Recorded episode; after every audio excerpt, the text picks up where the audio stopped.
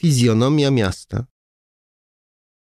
Tak jak i w Anglii w drugiej połowie XVIII wieku, tak i w Królestwie Polskim w wieku XIX rozrastały się miasta największe, miasta przemysłowe. Niektóre wręcz na surowym korzeniu, tak jak Łódź.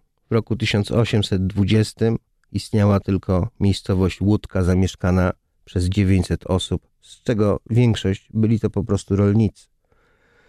W ciągu właściwie 20 lat Łódź całkowicie się przekształciła, a jej oś wyznaczyła dzisiejsza ulica Piotrkowska, a niegdyś po prostu szlak łączący Łęczycę z Piotrkowem. Wokół tegoż szlaku wydzielono działki dla tkaczy, działki z ogródkami, właściwie taka zabudowa wiejska, tylko trochę gęstsza.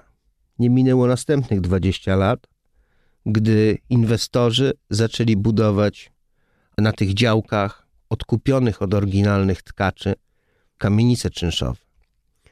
Niekiedy widok był egzotyczny, bo od drogi stała chałupa, zwykła parterowa, a do tej chałupy przystawały jako oficyny kamienice murowane czteropiętrowe.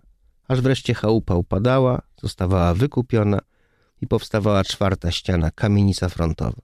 Kto był na Piotrkowskiej, kto się tam tędy przeszedł, ten mógł zobaczyć, jakie to powstawały ściany frontowe.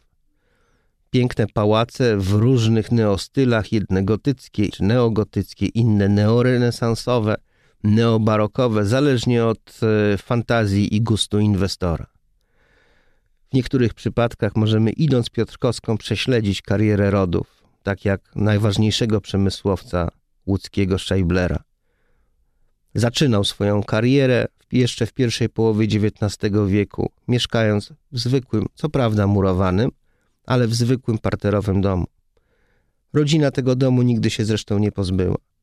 Następnie kupił pałac i jeszcze jedną kamienicę wielkości właściwie też pałacu, aż wreszcie dla swojego zięcia Herbsta wybudował piękną willę, stojącą zresztą kilkadziesiąt metrów od przędzalni Scheiblera, która dzisiaj służy za muzeum.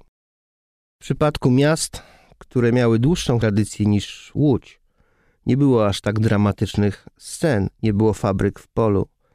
Niemniej jednak bardzo znacznie zmieniała się geografia miasta. Weźmy taką Warszawę. Swój obecny kształt zawdzięcza generałowi Zajączkowi, namiestnikowi Królestwa Polskiego, a właściwie prezydentowi Wojdzie, który wszystkie działania opierał o protekcję namiestnika Zajączka. W tych czasach przed koleją centrum to był szlak królewski.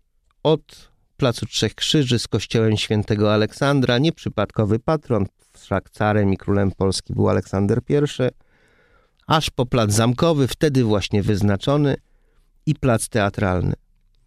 To było prawdziwe centrum Warszawy. A potem przyszła kolej. Kolej przyszła właściwie z dwóch stron. Pierwszy dworzec mieścił się tam, gdzie obecny dworzec Śródmieście, a więc na rogu Marszałkowskiej i Alei Jerozolimskiej. I tam też przeniosło się centrum.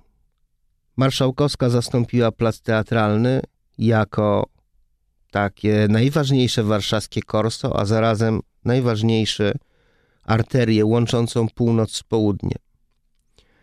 Z kolei przemysł przeniósł się z Powiśla, z Nadwisły, która była głównym szlakiem transportowym, przeniósł się w pobliże kolei.